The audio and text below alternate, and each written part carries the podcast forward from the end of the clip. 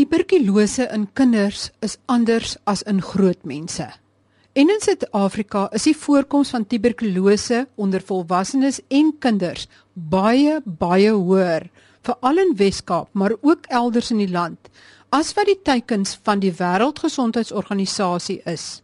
Om die waarheid te sê, die kans dat Suid-Afrika die teikens gaan haal om nuwe tuberkulose gevalle te verminder, is bitterskraal. Maar as alle pasiënte meer bedag is op tuberkulose, dokters die geskikste behandeling voorskryf wat beskikbaar is en die pasiënte dit neem, kan Suid-Afrika dalk effe nader daarin beweeg om tuberkulose te verminder.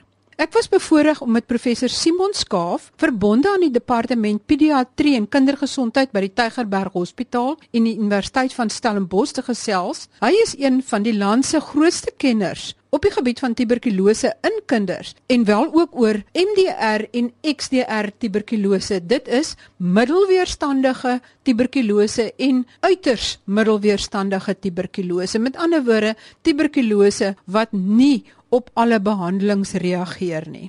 In die eerste deel van 'n reeks van 2 oor tuberkulose in kinders, kyk ons na die simptome en hoe 'n diagnose van tuberkulose gemaak word en ook hoe dokters op die spesifieke behandeling besluit. Let op hoe die dokters elke dag met elke pasiënt letterlik 'n raaisel moet ontknoop om die regte legkaartstukke bymekaar te moet pas en algoritmiese berekenings op grond van hul kennis in hulle koppe moet maak om om die regte besluite oor behandeling te kan neem. Ek gesels nou met professor Simon Skaaf. Professor Skaaf, kan jy vir ons net so 'n breë oorsig gee oor wat is die situasie van tuberkulose in kinders in Suid-Afrika? Goeiemôre Marie en dankie vir die geleentheid. Wat kindertuberkulose betref, dit is nog steeds 'n baie algemene probleem in Suid-Afrika. Die probleem is dat wanneer daar baie tuberkulose in volwassenes is, dan is daar ook baie tuberkulose in kinders, want dit word maar oorgedra van hoofsaaklik volwassenes met holtevormende tuberkulose na kinders toe. En dikwels kinders in dieselfde huis, so jonger kinders kry dit dan veral by uh, mense wat in dieselfde huis woon. Ouer kinders as hulle uitbeweeg kry dit natuurlik ook op ander plekke soos by skole of as hulle in die taxi ry en daar's swak ventilasie in plekke. Wat voorkoms betref, wat volwassenes betref, omtrent 3/4% na 1% van die bevolking kry elke jaar tuberkulose.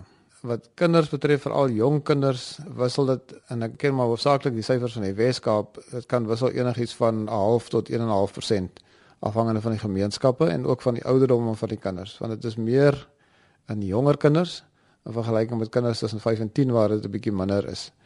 Maar baie algemene probleem, baie meer algemeen as wat meeste mense besef. Uh, nie net kindertuberkulose maar ook volwasse tuberkulose. Professor, hoe maklik is dit om tuberkulose aan te steek? Miskien moet ek net eers verduidelik, daar's 'n verskil tussen aansteek van tuberkulose, dit wil sê om die infeksie te kry en om siek te raak van tuberkulose. In die Suid-Afrikaanse bevolking is by verre die meerderheid van die bevolking reeds aangesteek op een of ander stadium in hulle lewe. So die kiem is in jou liggaam, maar jy word nie daarvan siek nie.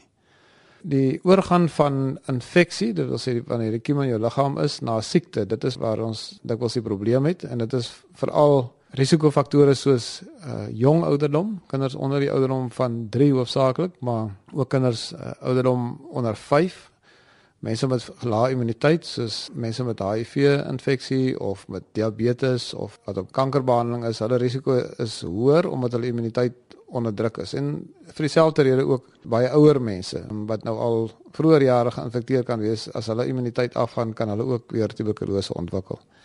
Om tuberkulose aan te steek, dit beteken dit kan of infeksie wees, primêre infeksie, eerste keer infeksie of herhalende infeksie. En dit gebeur wanneer 'n persoon in 'n omgewing is waar ander persone is wat wel tuberkulose het wat nie op behandeling is nie. Sodra mense op behandeling is dan raak hulle minder aansteeklik en binne 'n week of twee heeltemal glad nie meer aansteeklik nie.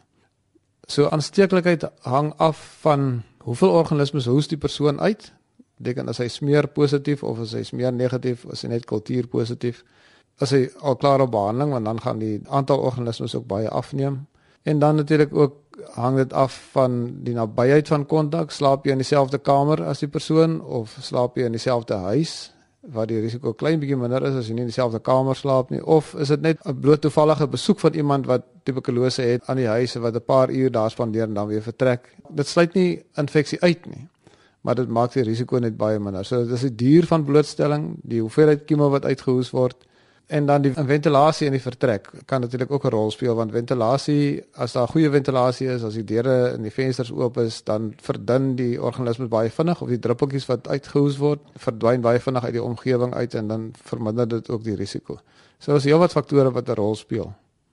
Maar is dit moontlik dat sê maar jy het 'n kind met 'n lae immuniteit, 'n baie jonk kind, 2 jaar, 2 en 'n half jaar oud en jy is in 'n huispak en daar's iemand wat ernstige tuberkulose het en hy hoes, is daar 'n moontlikheid dat die kind sommer dan en daar kan aansteek of nie? Mens kan nie sê daar is geen risiko nie. Die risiko is baie min want dit is 'n kort duur van blootstelling en soos ek sê dit hang ook baie af van hoeveel kieme die persoon uithoes in die lug en dis nie die druppeltjies wat mense kan sien wat uitgehoes word wat gevaarlik is, dis daai heel heel klein druppeltjies wat minder as 5 mikron groot is wat in die lug bly. So die persoon kan alreeds uit die huiser uit wees en dit kan nog steeds daar wees as daar nie goeie ventilasie is nie. Dieselfde byvoorbeeld as mens badkamers gebruik of in 'n taxi sit waar jy vir 'n kort rukkie saam met iemand is, aansteek is moontlik, maar dit is onwaarskynlik of redelik laag in vergelyking met iemand wat byvoorbeeld in dieselfde kamer sit of selfs 'n kamer sit en televisie kyk vir 'n paar uur. So dit gaan oor die duur van blootstelling, maar dit gaan ook oor die hoeveelheid organismes wat die persoon uithoes. As 'n kind 'n tuberkulose kry, wat is daardie tekens waarvoor 'n ouer moet uitkyk of 'n GP moet uitkyk om dan tuberkulose te diagnoseer? Die tekens wat ons hoofsaaklik na kyk is hoes en dan veral hoes oor 'n langer tydperk, dit wil sê 2 weke of meer. En dan moet jy mens ook bietjie meer spesifiseer oor die tipe van hoes want dit is nie sommer net enige hoes nie. In die winter hoes baie kinders langer as 2 weke. En die rede daarvoor is daar is verskeie virale infeksies wat voorkom en hulle kan meer as een keer 'n virusinfeksie optel. Dis die hoes waar die kinders hoes en waar dit eintlik nie beter word nie. Oor tyd gaan dit voort, maar dit word slegter. So dit raak al slegter oor tydperk. En dit is daai tipe van hoes. Ons praat in Engels van 'n non-remitting cough. So hy word niks beter nie. En dan moet ons besorg wees oor die moontlikheid van tuberkulose. Ook 'n vleitbors wat nie opklaar op behandeling nie. Gewigsverlies en dit is die belang van die pad na gesondheidkaart waar die gewig aangedui word wanneer kinders klinieke besoek, is dit belangrik dat mens kyk na die gewig en dat die gewig wel toeneem, dat daar nie afplatting of verlies van gewig is nie. Want dit is 'n baie belangrike teken nie net vir tuberkulose nie, maar vir kroniese infeksie en ander dinge ook, maar tuberkulose is een van die dinge waarvoor mens moet uh, oplet. Kinders kan ook koors hê vir langer as 'n week en dit reageer dan nie op antibiotika nie. Ouer kinders dan veral wat moeg is en lê en nie wil buitekant speel nie, beteken daar's iets fout want 'n kind behoort normaalweg te speel in dieselfde energie as sy maats te en dan sal hulle verminderde energie moet om 'n rede soek en dit kan kroniese infeksie wees soos tuberkulose. Baie kere word gepraat van nagsweet. Ek steur my nie te veel aan nagsweet nie behalwe as die persoon vir my sê maar my kind sweet so baie dat ek die klere snags moet uittrek en omruil. Dan praat ons regtig van nagsweet wat erg genoeg is. Maar nou het ons nog net gepraat van kinders wat longtuberkulose het Ek dink dit is belangrik om te besef tuberkulose kom nie net in die longe voor nie. Tuberkulose kom ook in ander organe voor en die belangrikste daarvan is die brein. Wat tuberkulose meningitis is wat veral in jonger kinders voorkom. So kinders wat kla van hoofpyn, hoofpyn is my nooit normaal in 'n kind nie, en veral in 'n jong kind nie.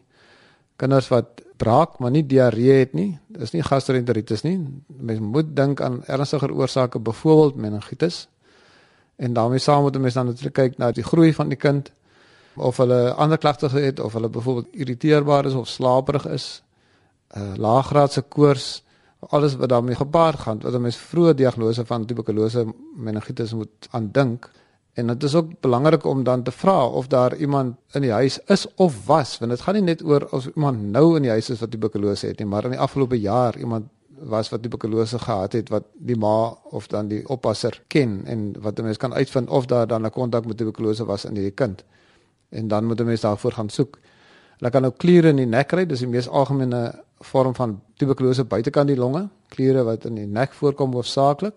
En natuurlik kan dit enige ander stelsel aantas, byvoorbeeld bene, kinders wat ophou loop omdat hulle of hulle klaar van rugpyn of hulle klaar van heup of kniepyn wat nie wil weggaan en nie wil beter word nie.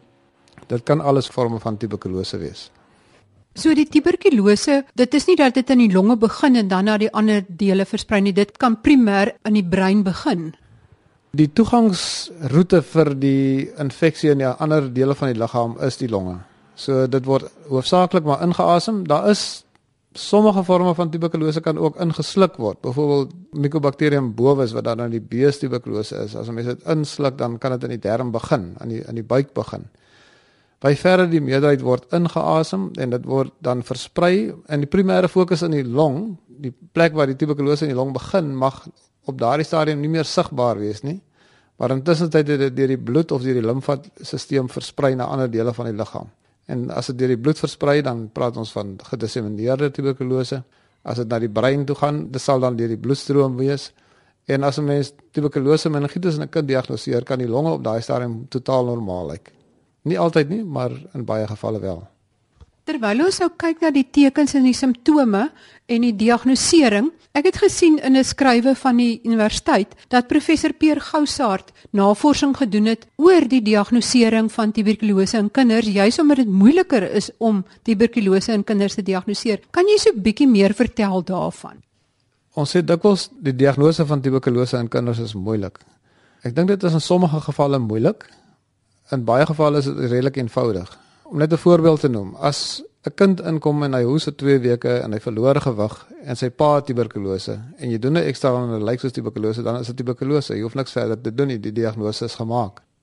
Maar in sommige gevalle het jy nie 'n bekende kontak nie, so jy het nie iemand wat tuberkulose het wat die kind moontlik kon aansteek nie en dit gebeur omtrent 50% van gevalle het ons nie 'n bekende brongeval soos wat ons nou maar dit noem. En dan kan die diagnose moeiliker wees. Ongelukkig in die geval van kinders omdat hulle 'n ander tipe tuberkulose kry as volwassenes. Volwassenes wanneer hulle tuberkulose kry, kry gewoonlik gate in die longe, want dit is in die gate in die longe waar die meeste organismes is of die meeste kieme is. Hulle groei die vinnigste en die maklikste daar. En dan as hulle hoes, dan hoes hulle groot hoeveelhede organismes uit en dit kan 'n mens dan op die sputum wat hulle kan uitspoeg kan mense dan hoofsaaklik diagnoseer of met kweking of met mikroskopie of met die nuwe tegnologie byvoorbeeld wat ons praat van expert of gene expert. Kinders het twee probleme. Die tipe van tuberkulose wat hulle in die longe kry is gewoonlik hou dit verband met 'n klein fokus in die long wat versprei na die kliere toe. Daar's baie minder organismes in die jong kinders se longe as in volwassenes met gate in die longe. As kinders natuurlik gate in die longe het dan dan is daar ook meer organismes dan is dit ook makliker om te diagnoseer. Maar as dit net kliere is en 'n bietjie van versleiering of bietjie wat lyk soos amper 'n pneumonie op die longvelde, dan is dit nie so maklik om die kiem uit die sputum te verkry nie. En die ander probleem natuurlik is om vir 'n kind onder 5 jaar te vra om te hoes en uit te spoeg is baie moeilik. So mens moet die sputum of die longvog op 'n ander manier verkry. Die een manier is ons doen maagsappe, so ons sit 'n pypie in die keel af en ons trek die vog wat in die maag is want wat kinders doen wanneer hulle hoes veral as hulle slaap hulle hoes en dan sluk hulle in en dan gaan lê die kiem in die maag en omdat dit 'n suurvaste organisme is sê hy word nie onmiddellik doodgemaak deur die suur van die maag nie kan 'n mens die organisme uit die maag sap kweek want dit is maar basies ingeslukte sputum maar dan moet hulle nul per mond wees vir 'n paar uur gewoonlik vroeg in die oggend net nadat hulle opgestaan het. So dis 'n een manier. Die ander manier is om die kinders te indiseer om te hoes Dit wil sê ons gee hulle iets om in te asem wat hulle irriteer, gewoonlik soutwateroplossing en dit maak dat hulle hoes en dan kan 'n mens met 'n pypie net uit hulle keel die sputum wat hulle ophoes uitsuig. En ons praat van geïndiseerde sputum. Prof Gousaar doen dit dan weer op 'n ander manier. Hy doen by die gekompliseerde longtuberkulose gevalle doen hy bronkoskopie en hy sit 'n pypie in die lugweg af en dan kan hy met suigapparaat en met biopsies kan hy dan gedeeltes van of die long of die kliere of dan die vog wat in die long is uitsuig direk uit die long uit. Dit word nie in alle pasiënte gedoen nie want dit is 'n meer gekompliseerde prosedure, maar soms is dit nodig om die diagnose te bevestig veral as ons aan sukkel om 'n diagnose te maak in 'n kind wat siek is. Daar's natuurlik ander maniere om diagnose te maak want net in omtrent 40% van tuberkulose gevalle in kinders sal ons die organisme uiteindelik kry wat bevestig dat dit wel tuberkulose is. Die ander kinders word gediagnoseer op kliniese tekens op die duur van die simptome soos ek nou genoem het die hoes en die gewigsverlies op die feit dat daar iemand in die huis is of iemand naby die kind is wat vir 'n tydperk kontak met die kind gehad het wat tuberkulose het en dan natuurlik borskas ekstrale wat vir ons aanleiding kan gee of ander spesiale ondersoeke byvoorbeeld 'n uh, breinskandering dan as dit in die uh, brein is of 'n uh, ultraklank as dit in die buik is So daar's ander maniere wat ons ook kan gebruik. So dis eintlik 'n hele groep van simptome, tekens, spesiale ondersoeke wat ons uiteindelik lei tot 'n diagnose van tuberkulose en ons is gelukkig as ons dit dan kan bevestig deurdat ons die kiem identifiseer. Daar is ook nuwe toetse behalwe nou vir kweking want kweking vat lank. Dit is een ding wat mense moeilik verstaan. Hoekom kan die dokter nie onmiddellik vir my sê na 48 uur dat dit is 'n tuberkulose kiem nie? Gelukkig kan ons dit nou doen as ons die nuwe molekulêre toetse kan gebruik. Ek het dit genoem expert of gene expert. Dis maar een van hulle. Die ander maniere wat ons maar dan het is wat dan om op spite van die volwassenes kan mens direk ook 'n tipe van 'n molekulêre toets kan ons doen, maar op kinders doen ons dit gewoonlik nie direk op die spite nie omdat hulle meestal smeer negatief is. So hulle is minder organismes, so die smeer self is negatief. En dan moet mense dit kweek. En om te kweek vat enigiets tussen 'n week tot 6 weke. So dis 'n baie lang tydperk want die kiem groei stadig. Hy verdeel maar een of twee keer 'n dag. In vergelyking met gewone bakterieë wat elke paar minute verdeel. Nou het julle dit gediagnoseer klinies en moontlik bevestig met 'n toets, maar wat dan van die behandeling? Behandel julle dit asof dit gewone TB is of asof dit weerstandige TB is en hoe werk dit? Gewone TB versus weerstandige en ekstreme weerstandige TB. Wanneer ons 'n organisme by die kind kan kry, het sy deur 'n molekulêre metode, want die molekulêre metodes, daar is van hulle wat vir ons kan sê dit is weerstandig teen rifampicin wat die een belangrike middel is vir sensitiewe tuberkulose of die ander toets kan ook vir ons sê is dit weerstandig teen 1H of rifampicin en daardie twee is die twee belangrikste eerste linie middels wat ons het vir sensitiewe tuberkulose. As die toetse vir ons wys het sy op molekulêre metode of dan op kulture dat hierdie organisme is weerstandig teen een of twee of meer middels, dan weet ons dat ons daardie middels eintlik nie meer kan gebruik nie. MDR tuberkulose is maar enige kiem wat weerstandig is teen 1H sowel as rifampicin, die twee belangrikste eerste linie middels. Die baie weerstandige organismes of die XDR tuberkulose wat nou maar kom van extensive drug resistance. Dit is weerstandig teen die beste twee eerste linie middels maar ook teen die beste twee tweede linie middels. Dit waarmee ons die MDR's behandel, dit werk dan ook nie meer nie. So dit is moeilike gevalle om te hanteer en dit is ook om nodig is om om nuwe middels te ontwikkel dat ons ook daardie tipe van tuberkulose behoorlik kan behandel. So hoe besluit ons? As ons die kiem kry, dan is dit maklik. As ons nie die kiem kry nie, dan moet ons die kinders hanteer asof hulle dieselfde kiem het as die volwassenes. So indien byvoorbeeld die moeder van 'n kind MDR tuberkulose het en die kind kry tuberkulose, die waarskynlikheid dat hy ook MDR tuberkulose het is baie hoog. Ek wil sê meer as 90%. Indien 'n gereelde besoeker in die huis MDR tuberkulose het en byvoorbeeld die pa het middelsensitiewe tuberkulose, wat ook kan gebeur, wat jy vir twee verskillende persone het wat albei kontak met die kind het, dan is dit 'n kwessie van wie is die mees waarskynlike persoon met wie die kind in kontak is wat vir die kind sou kon aansteek en wat is die aansteeklikheid van die pa wat is die aansteeklikheid so dan moet mense begin dink oor hoe hanteer ons hierdie kind natuurlik gaan ons probeer om die die kiem in daardie kind spesifiek te probeer in die hande kry. Dis baie belangrik dan want dan wil ons weet by wie het hy aangesteek so dikwels is dit maar 'n kwessie van die inligting bymekaar sit en 'n besluit neem oor wat is in die beste belang van die kind. Gewoonlik as daar 'n volwassene is met 'n tipe tuberkulose weerstandig, het sy MDR of XDR sal ons die kind dieselfde behandel as dit die enigste kontak is waarvan ons bewus is. So dit is die besluit wat ons moet neem. Soms begin ons kinders behandel as sensitief om sensitiewe tuberkulose. Ons het nie 'n kiem nie, maar ons het weet ook nie wie die kind aangesteek het nie. En soos wat ons die kind behandel en hy neem sy behandeling, dis die ander belangrike ding want natuurlik gaan kinders ook nie reageer as hulle nie hulle behandeling kry nie. As ons weet hulle kry hulle behandeling en hulle raak klinies slegter, dan moet ons begin dink, het hierdie kind nie dalk wel middelweerstandige tuberkulose en afhangende van die graad van die siekte, sal ons natuurlik weer eens probeer om die kiem te kry en as ons dit nie kan kry nie, dan sal ons soms moet oorskakel na weerstandige tuberkulose behandeling. Hoe vinnig nadat jy die behandeling begin het, kan jy sien dat die kinders begin beter word of dat hulle die agteruitgang gestuit is? Dit is nogal 'n moeilike een. Ek sê dit veral omdat kinders oor die algemeen reageer baie goed op behandeling. So hulle gaan redelik spoedig binne 'n week of twee sal hulle duidelike al verbetering sien. Die koors sal begin weggaan, die die hoes sal beter word, die gewig sal begin toeneem. Maar dit beteken nie noodwendig dat al die organismes dood is nie. Selfs al sal mense weerstandige tuberkulose kind behandel met eerste linie middels wat wat bedoel is vir sensitiewe tuberkulose, dan mag die kind aanvanklik beter word, maar dan sal hy uiteindelik weer slegter word. So mens moet nie net op die kort termyn maar ook op die langer termyn kyk wat die uitkoms of die die reaksie van die kind op die behandeling is. Dit gebeur ook soms dat wanneer 'n mens 'n kind begin behandel of alles al baie erg wangevoed is of hulle HIV geïnfekteerd is, dat 'n mens begin met die behandeling en dan raak die kind eintlik aanvanklik bietjie beter en dan raak hulle slegter as gevolg van wat ons noem iris. Dit is 'n immunologiese reaksie wat verbeter in die kind as gevolg van die feit dat hulle nou beter voeding kry of hulle is nou op begin op antiretrovirale behandeling en immuniteit word weer gestimuleer en dan gaan daardie immuniteit wat gestimuleer is gaan die die organisme of die produkte van die organisme aanval en die reaksie daarop mag laat blyk dat die kind eintlik slegter word. Maar eintlik raak die kind gesond want ons maak meer van die organismes dood. So dit is 'n hele proses van presies kyk hoe reageer die kind op behandeling maar ook oor die langer termyn en ook dan moet 'n mens besluit het ek te doen met as daar nou so 'n reaksie is, het ek te doen met weerstandigheid, het ek te doen met 'n ander infeksie wat bo-op sy huidige tuberkulose infeksie kom, het ek te doen met ouers of oppassers wat nie die behandeling gee nie